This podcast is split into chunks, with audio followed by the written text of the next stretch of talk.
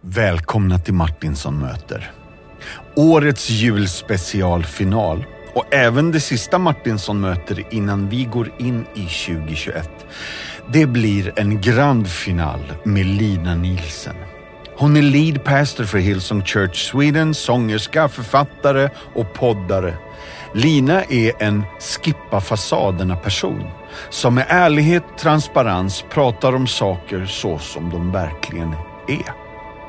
Tillsammans med sin man Andreas planterade hon Hillsong Sweden och hon leder Hillsong Sisterhood i Sverige som bland annat har podden Sisterhood.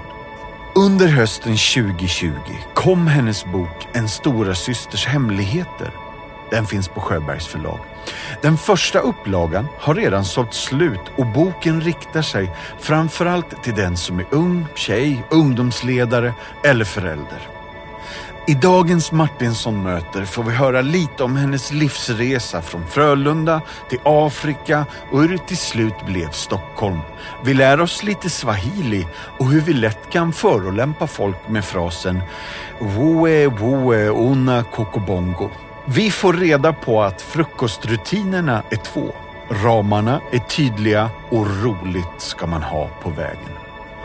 Lina och familjen är sedan länge faddrar i Compassion. Hon kan namnen på alla sina fadderbarn och de brinner för vårt arbete. Hon har själv varit ute i fält och vet hur det funkar. Och nu ska ni snart få höra mer om allt detta. Hörni, som en glad guldkant på ett svårt 2020 ger vi er här den härliga Lina Nilsen och med det så önskar vi er ett riktigt gott nytt år i Jesu namn.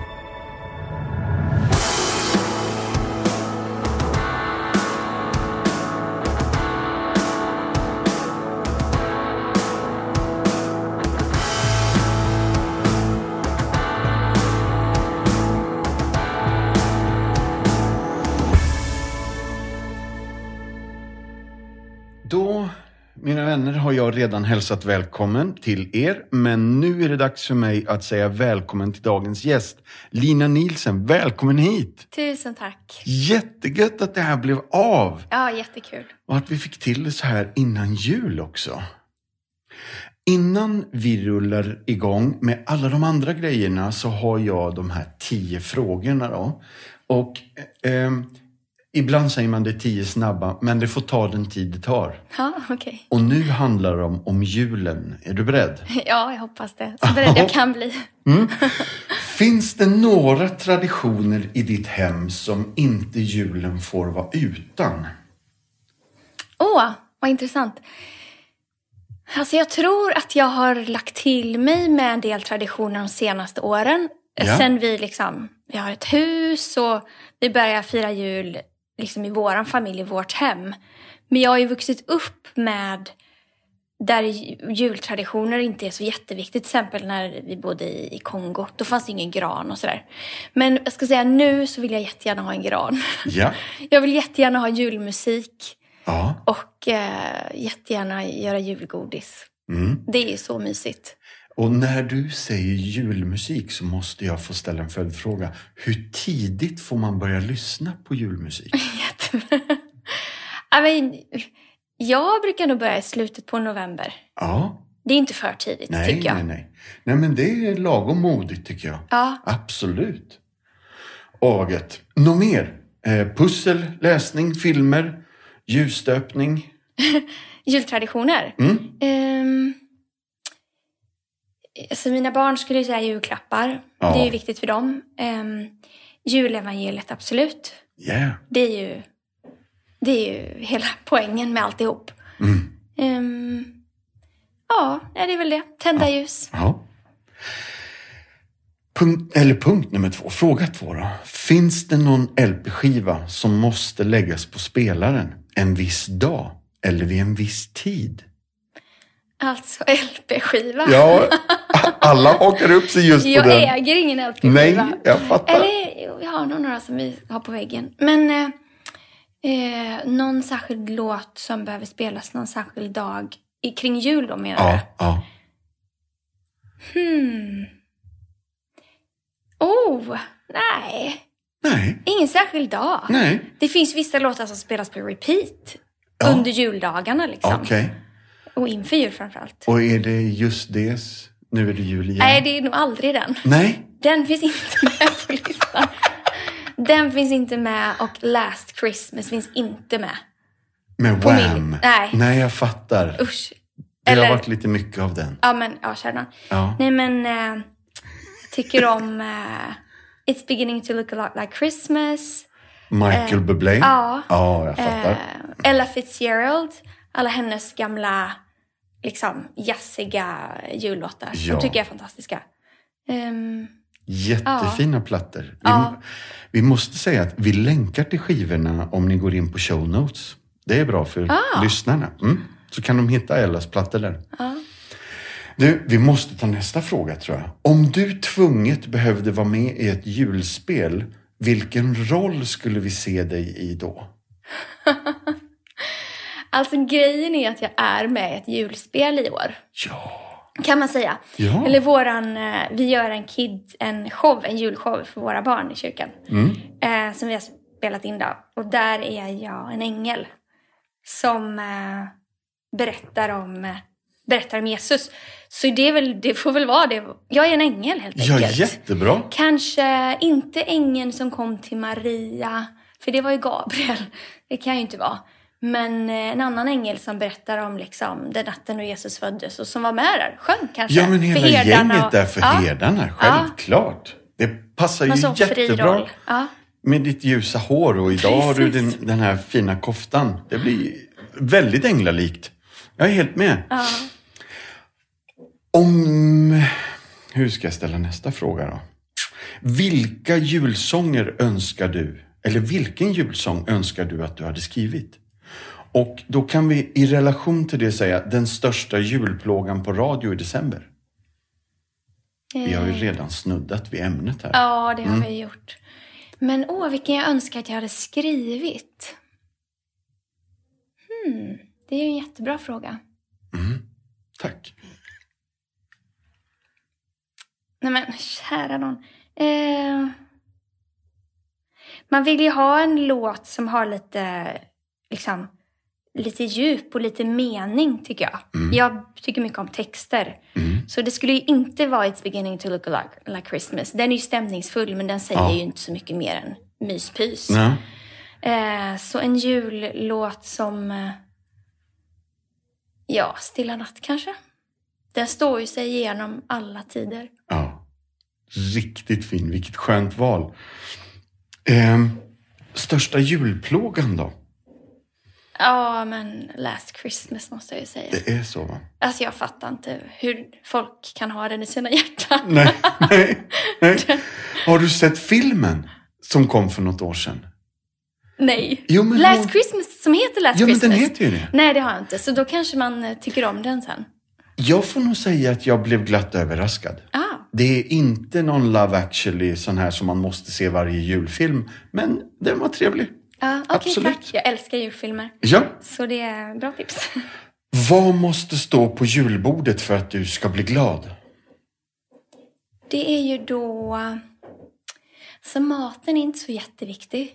Nej? Just eh, skinka och grejer, det är, ju- det är inget jag tycker jättemycket om. Men det är julgodiset då kanske. Ja. Ja, gräddkola och fudge och trillingnöten önskar jag ju att den kom tillbaks i Marabou-asken. Asken. Ja, ja, visst. Det är bra att vi Men- kanske kan eh, starta en eh, kamp här i podden. Kanske. Jag hörde att den var för dyr att tillverka.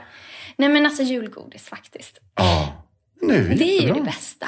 Ja, underbart. Åh, vilket bra val. Det är faktiskt ingen som har sagt det än, så jag är jätteglad. För till, till exempel Marie-Louise Nilsson i förra veckan, för förra veckan, hon, hon sa Janssons frestelse och jag har inte kunnat släppa det. Men nu, Nej. nu terapeutar jag mig här. Vad måste stå på jul? Nu ska vi ta nästa fråga. Vilken e egenskap hos tomten önskar du att du hade mer av? Åh! Tomten. Han är ju otroligt generös. Det tycker jag om. Ja. Det är klart att jag vill vara ännu mer generös. Mm. Sen måste jag välja en bara. Nej, kör på. Nej, okej, jag resonerar lite. Han är generös, han är ju glad. Mm. Det är ju härligt. Men sen är han ju också... Han kan ju göra det som är omöjligt. Det vill jag kunna göra. Han kan ju liksom vara på alla platser på samma gång. Han kan göra alla glada. Japp. Han kan liksom flyga. Han kan göra det som är omöjligt. Ja. Mm. Ja. Det vill jag kunna. Jättebra. Hur bra på en skala från 1 till 10, där 10 är bäst, är du på att slå in paket? Och är det snabbt eller snyggt? Ja, det är nog lite mittemellan. Ja. Alltså jag tycker det är fint när paketen ligger där under granen, men det är ju... De ska öppnas sen ju så fort. En femma skulle jag säga. Ja. Det blir lite snören och lite sådär, men Ja. några paket kan bli fina och sen är det bara, äh, nu ska vi slå in dem. ja. Så då är svaret snabbt. Eller snyggt. Då är det snabbt. Jag vill inte välja. Kan Nej. jag välja en bra medelväg? Ja, det var jättebra. Lagom. Och fem är ju en medelväg. Ja. ja. Nu kommer vi till en känslig fråga då. Bästa julkalendern på tv? Vill du ha lite förslag? Eh, ja, gärna. Ja. Teskedsgumman, Fem myror, Albert och Herbert, Julstrul med Staffan och Bengt, Sunes jul, Pelle Svanslös, Allrams höjda paket, Tjuvarnas jul, Gulleknorren. Eh, Gulleknorren vet jag inte riktigt. Nej, inte Det var jag min heller. dotter som slängde in den. Eh, ja, men jag vet en som du inte nämnde, som Ja. faktiskt vi har tyckt om hemma. Eh, familjen Hedenhös firar jul. Ja! Den var rolig. Ja. Det var några år sedan. Ja! Eh, precis, hur de gör knäck och hur de reser i tiden. Ja, Ja, ja spännande val. Eh, av de tre gåvorna, guld, rökelse och myrra, vilken gåva skulle du byta bort och vad skulle du välja till istället? Det här Oj. ska alltså ges till dig. det skrivs till mig, Ja. inte till Jesus. Mm. Ehm, ja. Alltså jag är inte så mycket för rökelse. Nej? Det är bra. Eh, så den skulle jag nog ta bort. Eh, och så skulle jag väl... Det skulle ges till mig någonting som är bra att ha i livet. Ja, det här kanske låter som en klyscha, men en bibel då? Ja. Alltså jag tänker på Jesus och den resan, i och för sig, han var ju Gud, så att han var ju ordet själv. Mm. Men den resa som de skulle be sig på, den resa man är på, en Mm. bibel, hallå, det är ju det viktigaste. ja. Ja, där har vi det. Jättefint. Kristet och bra. Ja, jättefint svar. Nu kommer vi till sista av de här första tio. Ah, wow. Och den här gissar jag att du kan liksom vilja brodera ut lite ytterligare och take your time. Mm. Vilka fyra nu levande eller sedan länge döda gäster skulle du vilja ha sittande vid ditt julbord? Och vad skulle ni äta tillsammans? Och vem av gästerna skulle få äran att läsa julevangeliet? Oh, wow. Fyra gäster. Du kommer behöva hjälpa mig att komma ihåg allt det där med maten och det. Mm. Men... ehm, oj, det där skulle nog kunna vara olika svar på olika dagar. Men just idag så skulle jag säga... Jag skulle jättegärna vilja ha min farmor där. Ja, Hon dog för när jag var en liten flicka. Farmor var... ehm, Innan hon träffade farfar då, så var hon vad man kallar för evangelist. mm. De var ju inte, kvinnor var ju liksom inte pastorer och så för utan hon Just var ju en evangelist. Ja. Hon gjorde väl samma sak. Hon, hon reste runt och berättade om Jesus och sjöng och sådär. Så det, och min familj säger att jag är ganska lik henne. Vad Eh, Eller min pappa säger det. Så att, eh, att jag kanske har vissa saker från henne. Så det skulle vara jättekul att få prata med henne. Hur det var för henne och i den, i den tiden hon levde i och tjäna Gud och Mhm. hur samhället såg ut och sådär. Det skulle jag verkligen velat. Så farmor, farmor Svea Mm. ehm, hade varit med. Sen får man väl... ehm, tänk så här att där två eller tre är samlade eh, i Guds namn, där är Jesus mitt ibland oss. Ja. Så jag behöver inte välja Jesus, för han är alltid Jättebra. där. Oh, Så, han, så, så Jesus är ju med. Jag får liksom en... Ja, han är alltid med. Så vi har Svea och Jesus är alltid med oss. Men eh, jag skulle vilja ha... Jag måste ha någon från Bibeln såklart. Det är väl kanske väldigt klassiskt. Ehm, Jag, jag skulle vilja... Det skulle ha varit coolt att träffa Ester från Bibeln. Drottning Ester. Ja, drottning ja. Ester, ja. Hur, det är så mycket som man inte får veta av hennes berättelse. Hur det var och allt det här. Otroligt spännande. Hon Mm. verkar vara väldigt modig. Så henne hade jag velat eh, träffa och prata med. Eh, nu var det två kvinnor, det var ju väldigt... Ska vi kvotera in en man här då kanske? Du, det behövs inte. Ehm. Eh, Ja, men det känns som att vi är inne på ett tema då. Det är ju liksom kvinnor som, som, har, som har stått i ledarskap på något sätt och, och tjänat Gud. Så jag skulle tycka det vore intressant att ha kanske kronprinsessan Victoria. Kanske. Yeah. Prata med henne om hur det är att vara ledare idag på det sättet. Och hon har inte valt det själv riktigt. Utan, Nej, nej, nej. Eh, det skulle vara kul. Kanske möjligt till och med. Jag får väl, Ja, jag ja. får väl bjuda in henne. Eh, då har vi bara en kvar. ja. Och då... Hmm.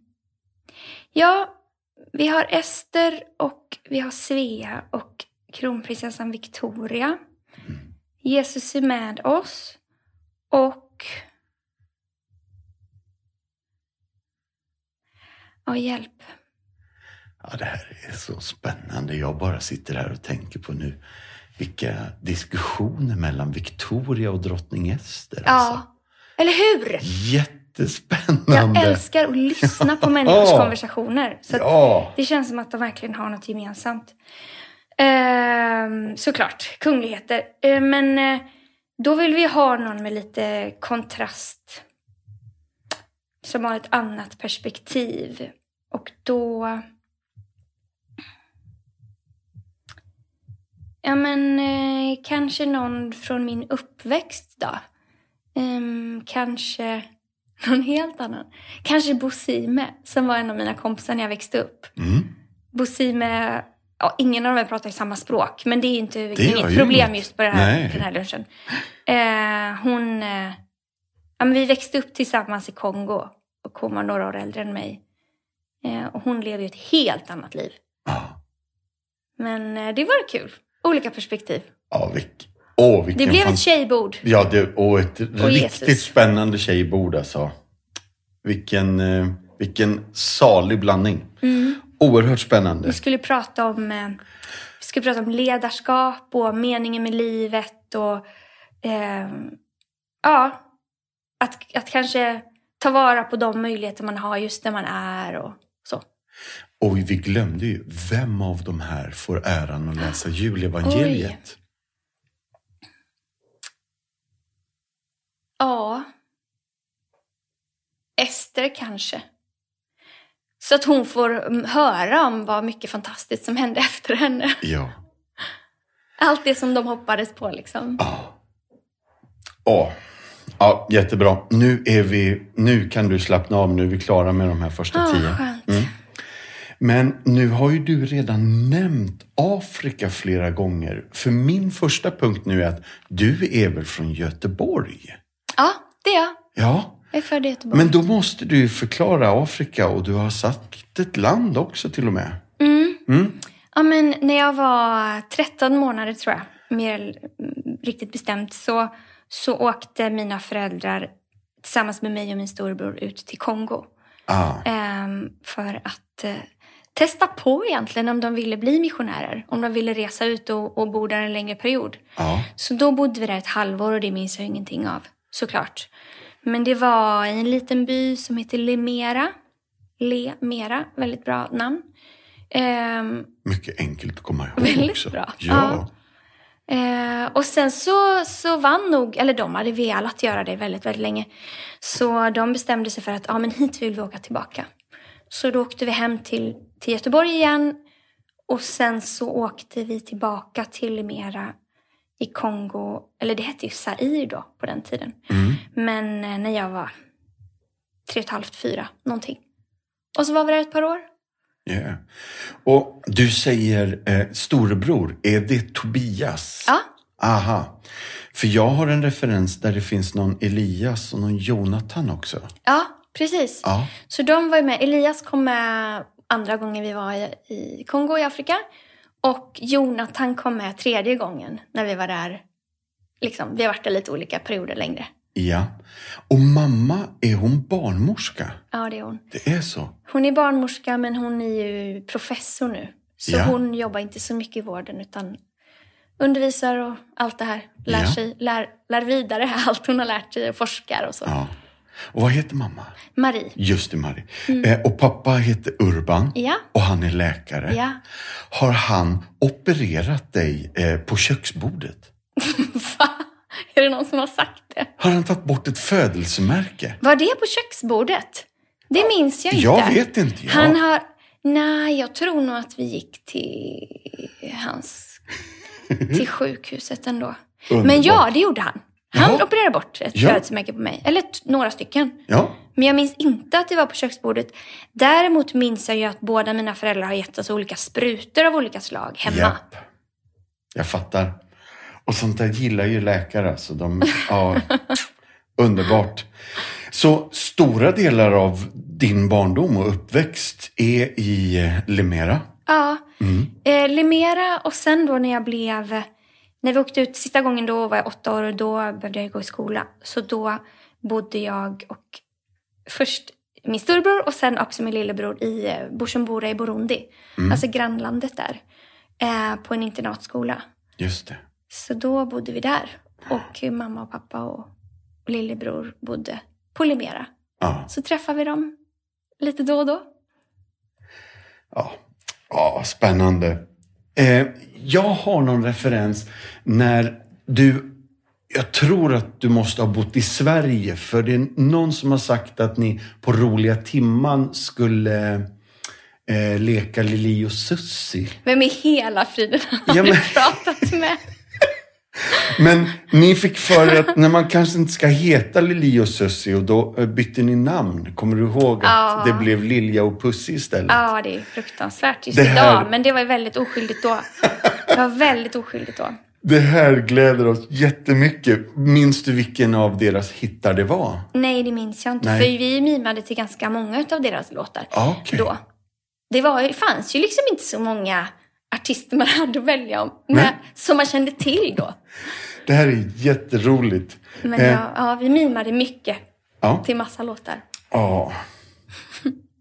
Och när man är missions, missionärsbarn från och har bott så mycket i Afrika och kan ett annat språk, måste väl varit swahili då, eh, så har man ju ett liksom, vad heter det, ett hemligt språk när man är i Sverige. Ja. Eh, och då kan man till exempel gå runt och säga wow, wow, onna, kokobong, kokobongo. Oj! Wawanina kokobongo. Oj, det var länge sedan jag hörde det uttrycket. Det är ju hemskt att säga till någon. Nej, men jag tror att det är Du är ju ganska... knäpp i huvudet, betyder det. Ja, men är det inte lite hönshjärna? Ja, just det. Koko Ja. är ju höna. Ja. Och bongo är ju hjärna. Ja. Alltså vad du... Det här har jag helt glömt bort. Men Åh, tack för att du påminner mig. Ja, just det, just det. Wewenina kokobongo. Ja, det gjorde nog jag. Och eh, det var verkligen när jag, jag var barn. Ja, det är så rätt. Du, du pluggade på L.M. Engströms gymnasiet i Göteborg. Ja, det Ja. gjorde jag. Eh, och sen blev du Stockholm ganska snart efter det. Mm, precis. Jag, eh, jag jobbade ett år efter gymnasiet för att tjäna upp pengar. För att jag ville gå på Karisma Centers bibelskola Ja. i Stockholm. Mm. Så då fick jag bo hemma och jobbade och var vikarie och musiklärare och allt möjligt. Ett Ja. år där. Och sen så flyttade jag till Stockholm. Jag var 19, 20 någonting. Just det. Om jag säger tre ord nu då och så får du berätta lite vad de här orden står för. Mm. Junction, Jamboree och Blue Eyed Soul Club. Just det. Så Junction är ju eh, innan jag flyttade till Stockholm. Det var en grupp, en sånggrupp som jag var med i.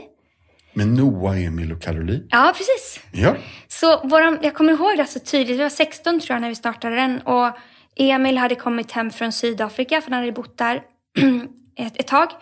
Och så eh, var så kul liksom. Han var musikalisk och Noah var musikalisk och vi började sjunga tillsammans. Här. Vi satte oss där i källaren på, eh, i då, där vi har växt upp. Eh, och började sjunga tillsammans.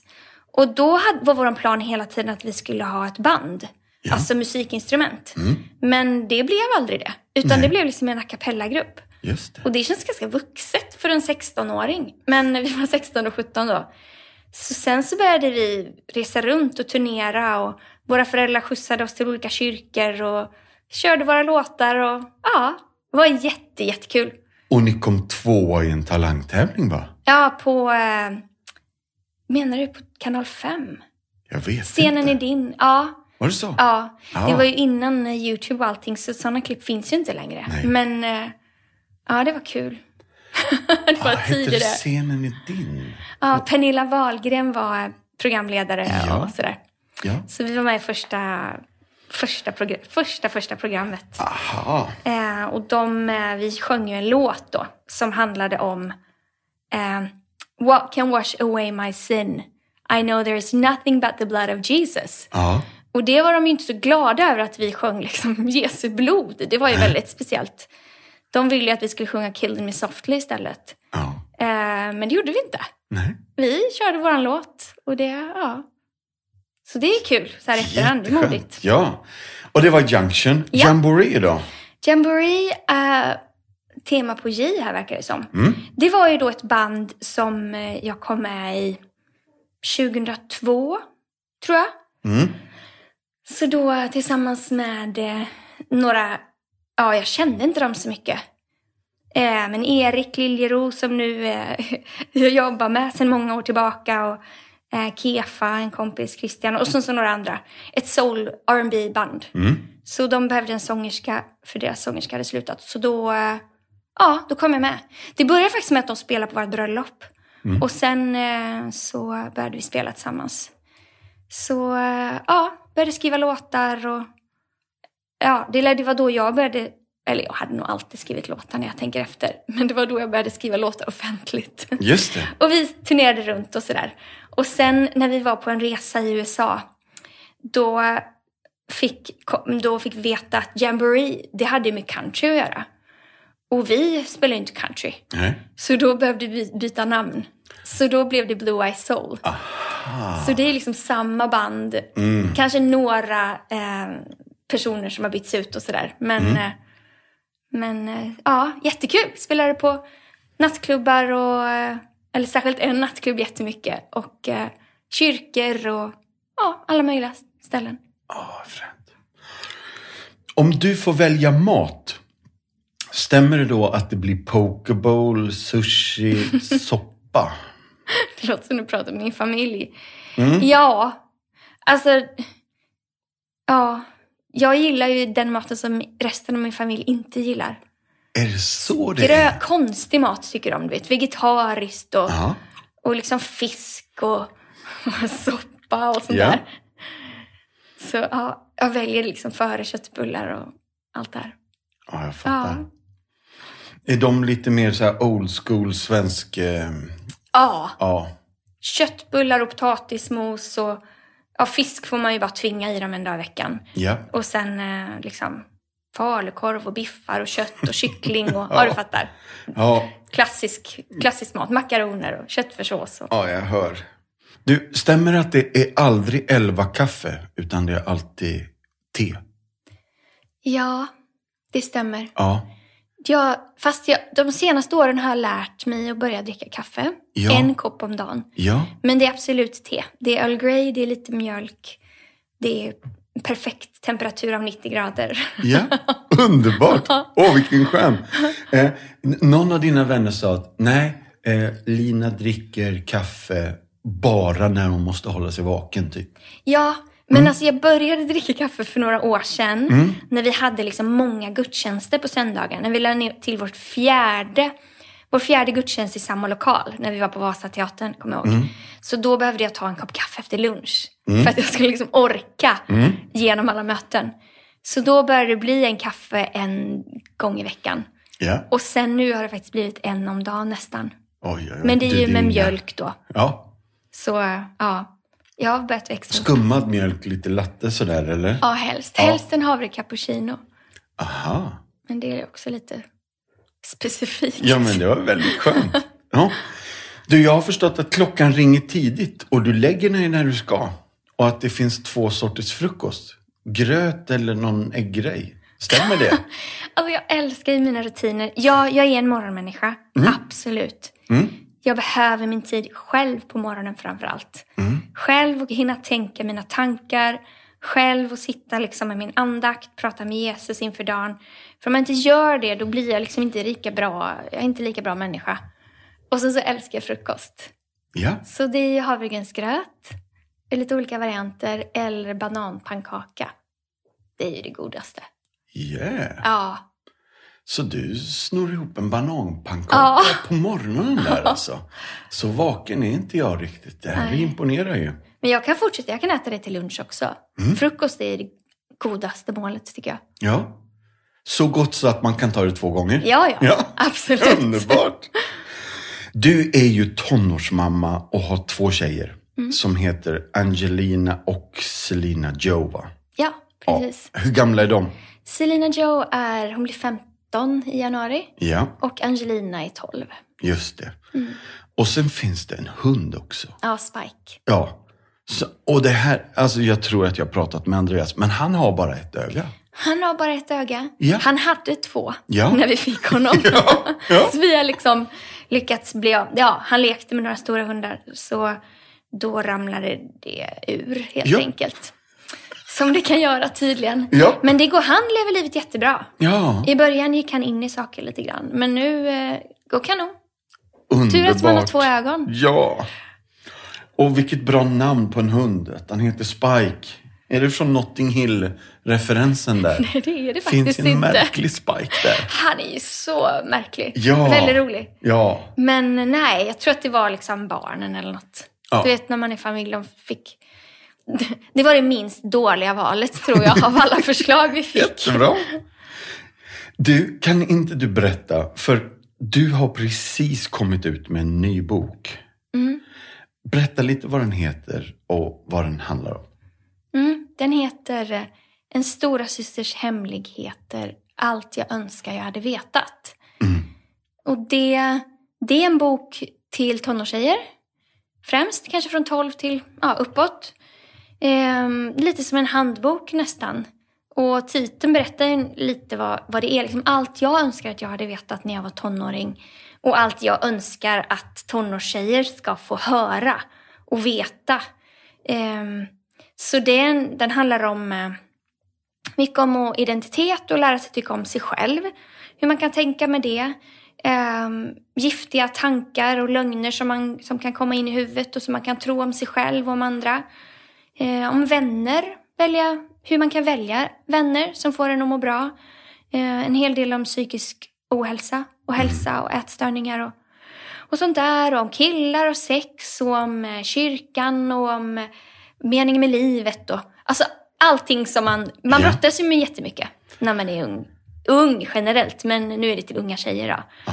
Så bara som en stora syster som, eh, som pratar lite med tjejerna. Om diverse. Det här känns ju oerhört angeläget. Hur har responsen varit? Nej, men den har varit fantastisk faktiskt. Eh, jättebra respons. Så jag tror att eh, det är ju en tid nu där kanske unga mår sämre än någonsin. Ja. Ehm, så att eh, jag tror att det är framförallt kanske föräldrar också som gärna vill att sina tjejer ska läsa de här böckerna. Men det var ju faktiskt så att jag, eh, jag fick på mitt hjärta för 15 år sedan redan att skriva den här boken. Just det. Ehm, då hade jag en, eh, ehm, en... Vi hade en ung tjej som bodde hemma hos oss. Ehm, och eh, som var tonåring och hon mådde dåligt och hade självskadebeteenden och ätstörningar. Och liksom hon var trasig på insidan. Så där, och när hon, liksom, precis i samband med att hon hade bott hos oss, så var jag på en konferens. Klev in genom dörrarna, eh, en konferens som heter Color Conference som Hillsong har. Klev in genom dörrarna och där står det Destined for Greatness på skärmarna. Stora, stora bokstäver. Och den skylten, de orden, de talade så otroligt starkt till mig. Dels att det var som att Gud sa till mig, du är, du är skapad för storhet. Du! Och det hade jag knappt tänkt om mig själv, att jag var. Men i samma stund också så tänkte jag på Johanna då, som hade bott hos oss. Att hon behöver ju höra det här.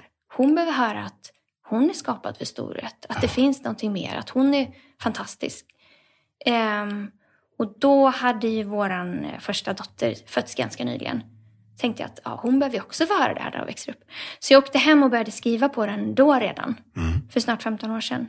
Men jag visste inte riktigt. Jag visste att jag skulle börja skriva den, men jag visste inte vad jag skulle göra med den.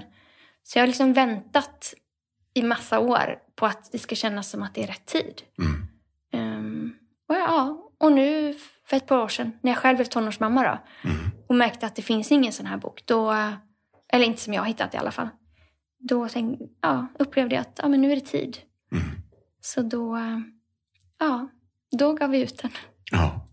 Och första upplagan har redan sålt slut? Ja, det har mm. den gjort. Ja. Så det är jag jätteglad. Det är därför man skriver en bok. Eller därför jag skrev den. Jag vill ju, jag vill ju nå så många som möjligt. Mm. Om jag kan hjälpa en tjej så är det värt alltihop. Mm. Men gärna hjälpa många. Mm. Ja. Åh, så bra och så viktigt. Jag har förstått att en av era tjejer föddes med någon form av hjärtfel. Mm. Andreas touchade lite vid det här. Vill du berätta något mer kring det som mamma? Mm.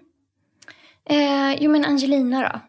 Hon föddes eh, alldeles för tidigt. Fyra veckor för tidigt, så att Andreas hann inte ens dit. Men det är en annan historia. Mm. Det gick bra.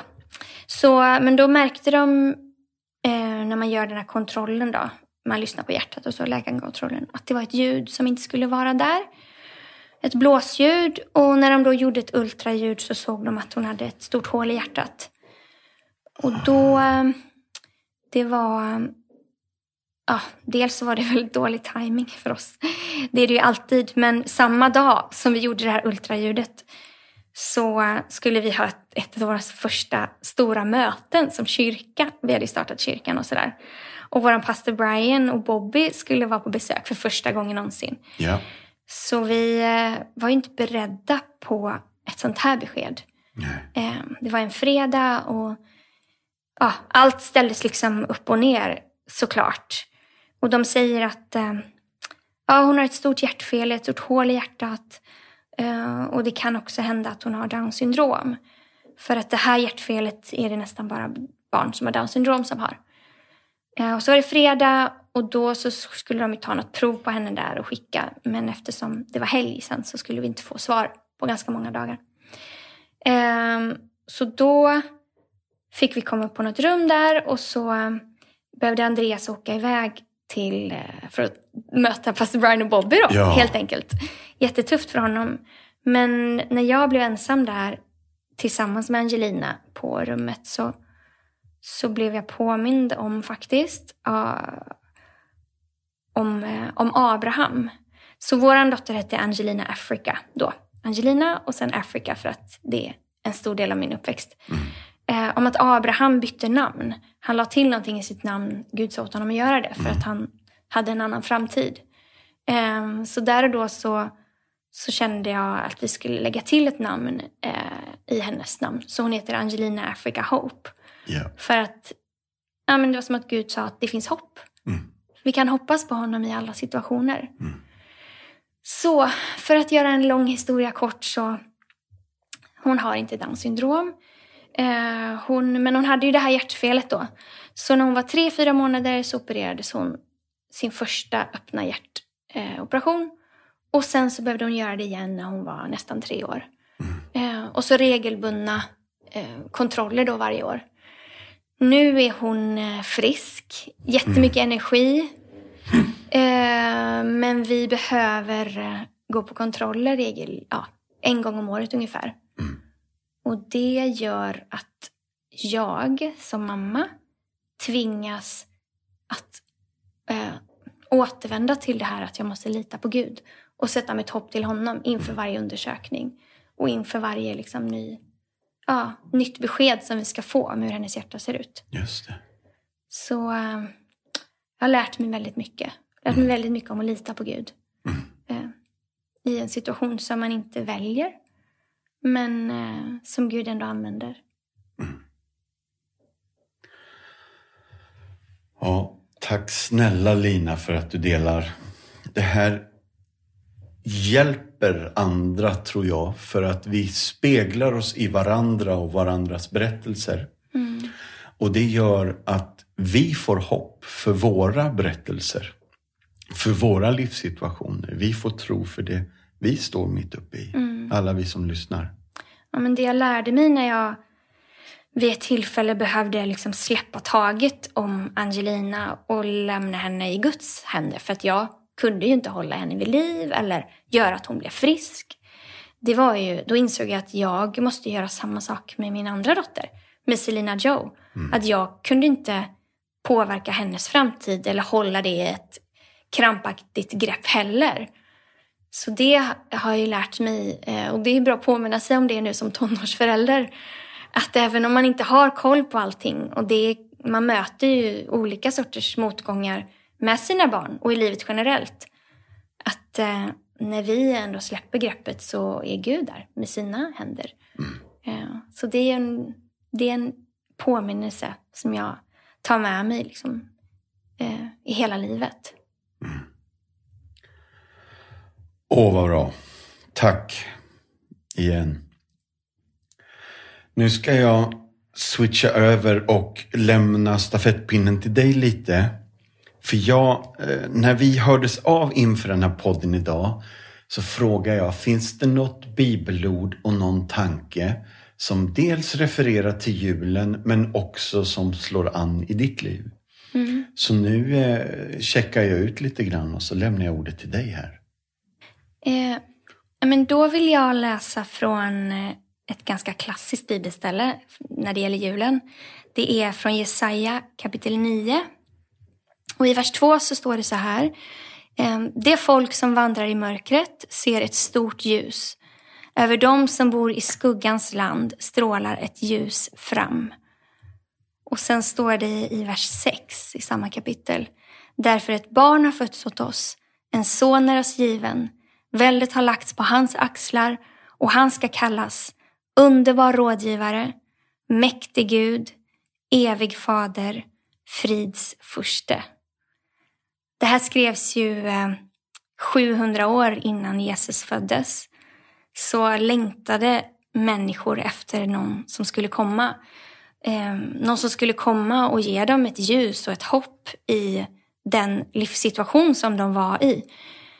Ehm, och även om det här var ju då 2700 år sedan så ehm, är ju situationen väldigt liknande idag, tänker jag. Att det är så många människor som vandrar i ett mörker. Man, ett mörker av eh, hopplöshet kanske. Ett mörker av eh, psykisk ohälsa. Ett mörker av meningslöshet eller vad det nu än är. Liksom. Att man, att det är som att någonting överskuggar ens liv. Um, men det står att över dem som bor i skuggans land strålar ett ljus fram. Um, och att uh, det löftet som Gud gav i Jesaja kapitel 9 till människorna, det är ju ett löfte som gäller människor även idag. Att oavsett vad man lever i och oavsett vad som överskuggar ens liv, om det är eh, corona eller att det är ensamhet nu då när man är mm, isolerad från andra eller vad det nu kan vara, så har Gud lovat att han vill låta ett ljus gå upp över människor. Men det är ju på något sätt upp till oss att få upp ögonen för det ljuset. Och jag älskar när, när det står det här om att det är barnet som fötts åt oss, att han är en underbar rådgivare, han är en mäktig Gud, han är en evig fader och han är fridsförste. Och idag så undrar jag om det inte är, det är ju exakt det som vi behöver. Människor behöver en rådgivare för man vet inte vad man ska göra. Framtiden är oviss. Eh, kanske är livssituationen oviss. Kanske vet man inte vad, ens, hur man ska, vad man ska göra åt en viss situation. Eh, men han är också en mäktig gud. Så att oh, han kan göra allt. Det som jag, när vi pratade om tomten innan, att han kan göra det som är omöjligt. Det är ju, det är ju Gud. Han kan göra det som är omöjligt. Eh, att han är en evig fader världens bästa pappa som alltid finns där och alltid vill älska. Eh, och att han är fridsförste. Att han vill komma med frid. Och idag när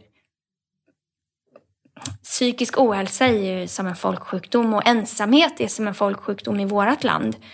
Eh, och otroligt många människor eh, säger att de känner sig ensamma.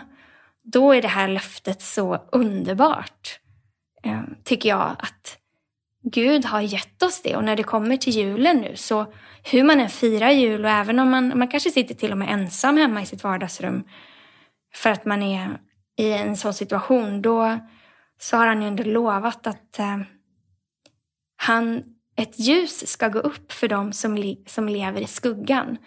Och han är en underbar rådgivare, mäktig Gud, evig fader, fridsförste. Han är allting som vi behöver. Eh, och det, jag älskar att påminna mig själv om det. Mitt i min vardag och mitt i massa situationer som jag inte vet hur jag ska lösa själv. Eh, och eh, vilka val jag ska ta så, eh, så har Gud lovat att han ska vara med oss. Det är namnet Emanuel, Gud med oss. Och jag tror att det är nog bara upp till oss att välkomna in honom, stanna upp ett ögonblick och välkomna in honom i mitt i vår vardag och mitt i våra liv. Ja, jag fortsätter att vara lite stum här borta på min ände. Tack snälla Lina, det är nog inte bara vad hette farmor Svea som är evangelist. Det var otroligt gött. Tack för att mm. du delar det här. Vilket viktigt bibelord för oss att ja, höra eller hur? Jag tiden. älskar det. Ja. Det, är, det är som ett ljus, precis som det står. Ja. Det är som ett ljus som lyser i det här, mm. det här decembermörkret. Vi har inte sett solen på hela december tydligen. Hört. Så ja, då kan ja. det vara bra att fylla sig själv med ljus på insidan. Ja, det här tar vi verkligen till oss. Tusen tack. Jag ska byta lite spår nu och så ska jag berätta en berättelse. Eh, och den här berättelsen eh, handlar om lite grann av vad som händer på Compassionfältet i vårt arbete.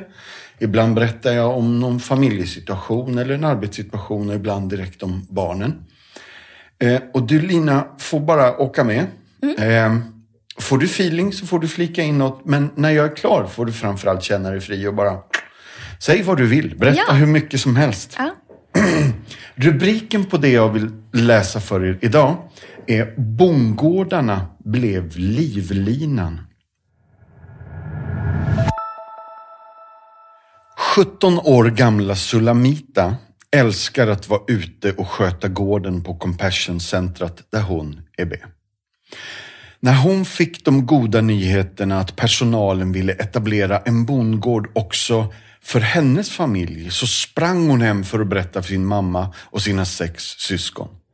Centret hade beslutat att skapa 15 nya smågårdar hemma hos utsatta familjer. Många av föräldrarna från de här familjerna får sin inkomst som korttidsarbetare på olika gårdar och då tjänar de mindre än 5 dollar om dagen för ett 10 timmars skift, vilket gjorde det omöjligt att befria hela familjerna från fattigdom. Genom att ge familjerna egna gårdar så ville Compassion se dem generera högre inkomster genom att kunna sälja grönsaker på marknaden men vid den tiden så visste de inte att det väntade en global pandemi, stängning av marknaden och förlorade arbetstillfällen. Gårdarna skulle helt enkelt bli en livlina för familjerna själva och bli deras främsta matkälla och skydda dem från hungersnöd. Miguel, som är lantbrukslärare på Compassion, ser tillbaka i förundran över tajmingen och tidpunkten för det här. Det var som att Gud sa till oss och förbereda oss för hungersnöd innan den började öka, säger han. Vi ser oss välsignade för att vi startade gårdarna innan pandemin. Compassion-centret har ju en blomstrande trädgård eh, planterad några år innan jordbruksprojekten för familjerna påbörjades. Miguel lärde då barnen och hela deras familjerna att plantera, ta hand om och skörda och sälja grönsaker för att ge både barnen och föräldrarna ytterligare stöd för att kunna betala hyra, utbildning, skola och annat väsentligt. Det här var ju succén med Compassion-gården som inspirerade idén till de 15 mindre gårdarna hemma hos de mest utsatta familjerna. Miguel började förbereda jorden vid varje hem bara några månader innan covid-19 kom till Guatemala i mitten av mars. Miguel tog, tog med sig frön, gödningsmedel, organiska insektsgrejer för att förbättra grönsakerna till varje familj så att barnen skulle få tillräckligt med näring. Vi får också ett statligt stöd. De ger oss frön och lär oss att förbättra min jordbruksförmåga så att vi kan dela de här färdigheterna med barnen, säger Miguel. Sulamita hon finner stor glädje och inspiration i familjegården och ägnar sig åt detaljer så att grönsakerna ska växa bra. Förra gången Miguel kom och bedömde vår gård, då hade jag den bästa tomatskörden av alla. De var vackra, röda och utsökta och jag hoppas att den nya skörden kommer att bli lika bra som den sista, säger hon. Sulamita och hennes mamma Julia började sälja sin skörd. Sedan min pappa lämnade oss så har min mamma arbetat hårt för att försörja oss, säger Sulamita. Hon, mamman var en säljare för pandemin och sålde en del av grönsakerna för att kunna betala för skola och allt vi behövde. När covid-19 kom så medförde det starka matrestriktioner och marknadsrestriktioner och då kunde Julia inte längre sälja grönsakerna och generera en inkomst. Det var svårt när jag inte kunde gå och jobba, men tack vare Gud har vi det vi behöver. Vi har mat och vi använder vår egen spenat för att äta våra tamales som jag gör av majsen och morötter och ris som är väldigt näringsrik och utsökt mat, säger Julia, Sulamitas mor.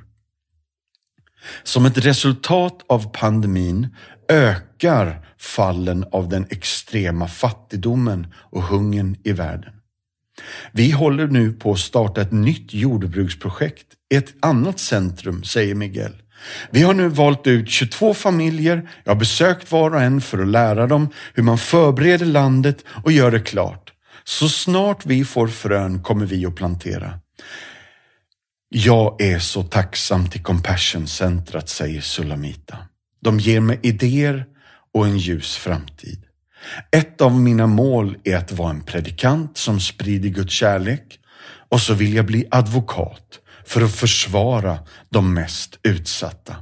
Jag studerar hårt och tack vare Gud och centret och stödet från min skola. Jag kan inte föreställa mitt liv utan varken Jesus eller Compassion-centret. Min fråga till er som lyssnar på podden är alltid i det här läget väldigt enkel. Vill du hjälpa en tjej likt Sulamita eller en mamma som Julia att fullständigt komma loss ifrån fattigdom genom Compassions arbete. Behovet av nya faddrar är mycket stort och för 310 kronor i månaden så understödjer du ett barn holistiskt, vilket innebär att vi jobbar på fyra sätt. Ekonomisk hjälp, mat, kläder, skolavgift, fysisk hjälp, vaccinationer, hälsokontroller, sport och fritidsaktiviteter, social hjälp. Våra centran vill fyllas av kärlek, omsorg och uppmuntran och andlig hjälp. Vi sticker inte under stolen med att vi gör det vi gör i Jesu namn. Så därför har vi åldersanpassad söndagsskola, sånger, undervisning och allt sånt där. Gå gärna in på vår hemsida www.compassion.se. Signa upp dig direkt och bli fadder till ett barn idag. Har du redan ett fadderbarn? Ja, jag skulle vilja säga ta gärna ett till.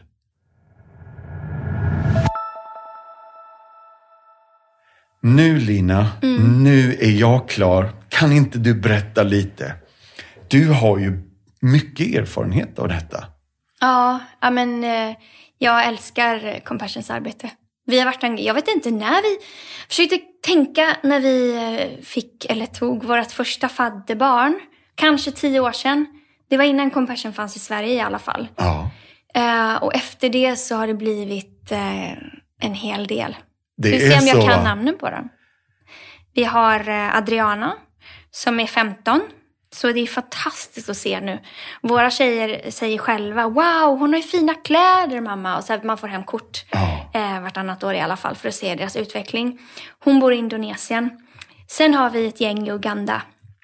Det är ju då eh, Edith som jag har träffat, som jag träffade för några år sedan.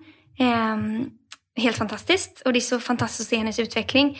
Det är Edith, vi har Mercy, Elizabeth, Breyer, Juliette, Felix och Dickens. Och alla är de i Uganda, de eh, sista Ja. där. Eh, och jag... Eh, det har bara varit... Jag själv har ju varit vid två tillfällen i Uganda och sett Compassions arbete. Så för mig är det svårt, när man väl ser skillnaden det gör i barnens liv, att inte vara delaktig i det. För det är så lätt för mig att göra skillnad. Alltså det... Att ha barn är ju inte lätt. Men de här fadderbarnen är de lättaste barnen jag har, kan jag säga. För det är ju... Och den månadsavgiften som vi ger, det förändrar hela deras liv. Det är så. Alltså ja, Edith som jag träffade för några år sedan för första gången. Och sen träffa henne två år senare. Hela hennes hy är annorlunda alltså för att hon har fått näringsrik mat. Ja.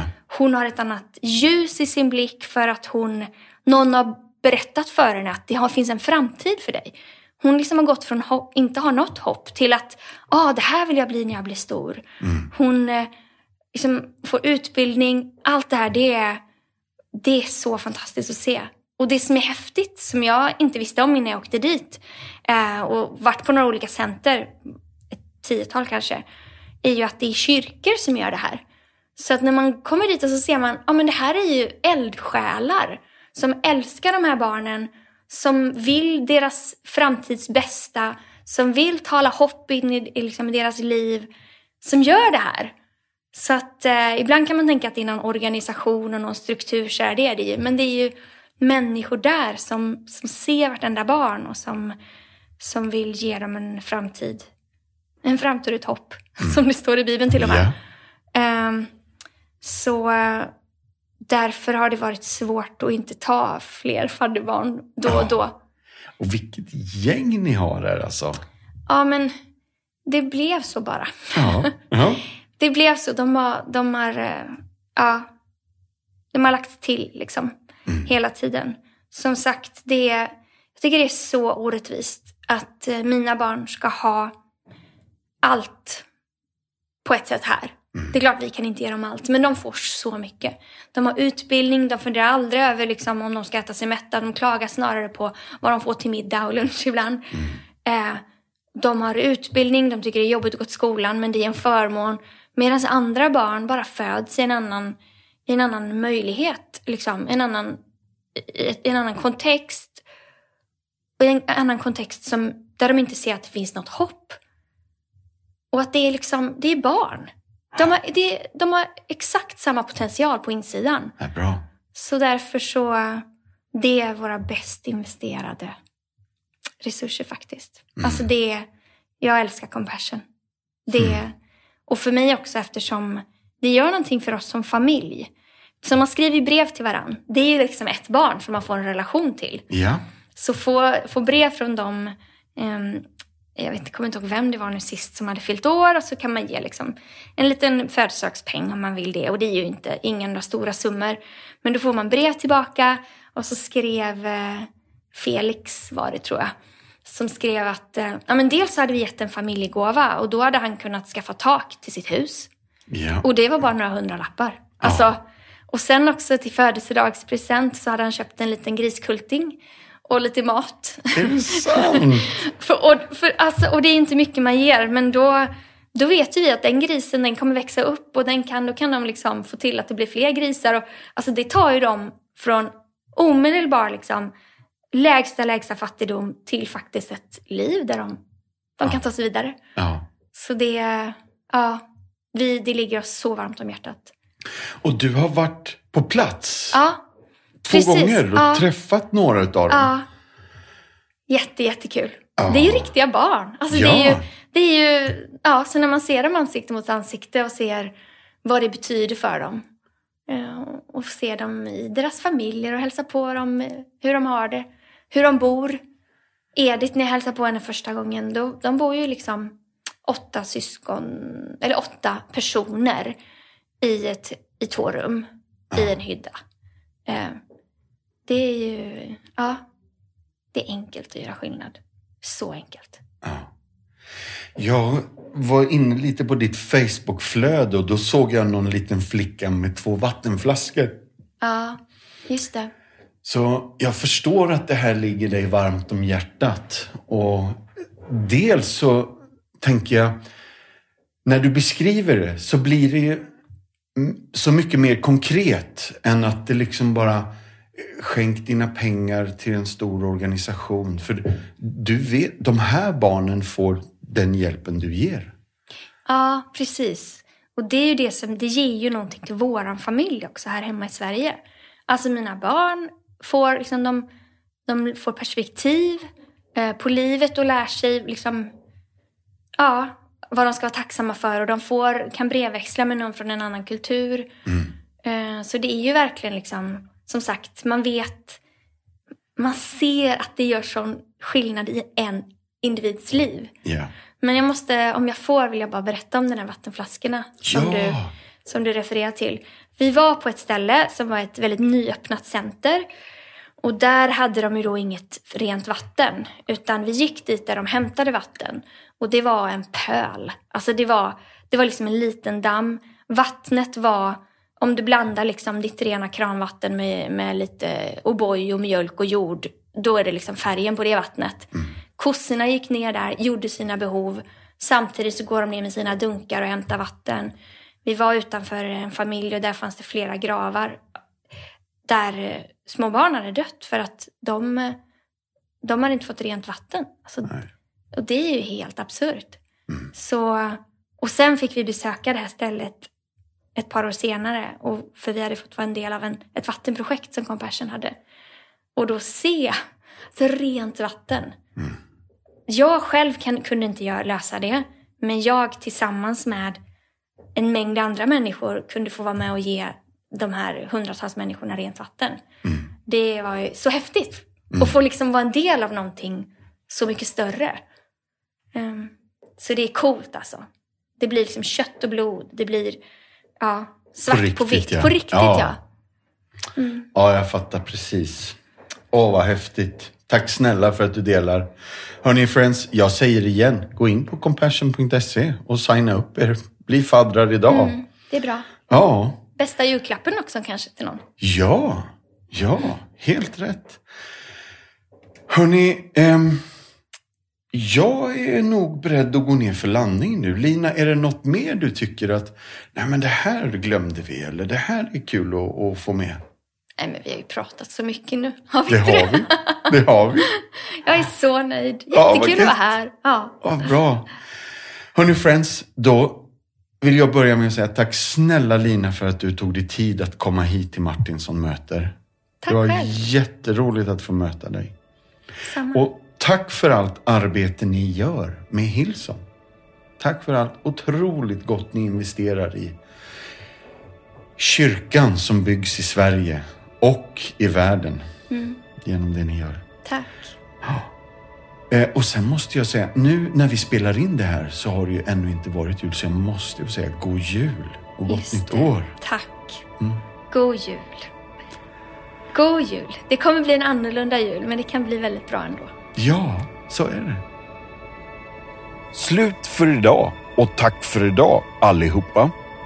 Vill du veta mer om det som har pratats om i podden så har vi något på vår hemsida som heter Show Notes. Där kan du se alla länkar till sånt vi pratar om när vi refererar till en film eller en bok eller en sång, då finns de länkarna där. Så gå in på compassion.se så hittar du helt enkelt massa extra material. Tack, ha det bra, bye bye, hej då!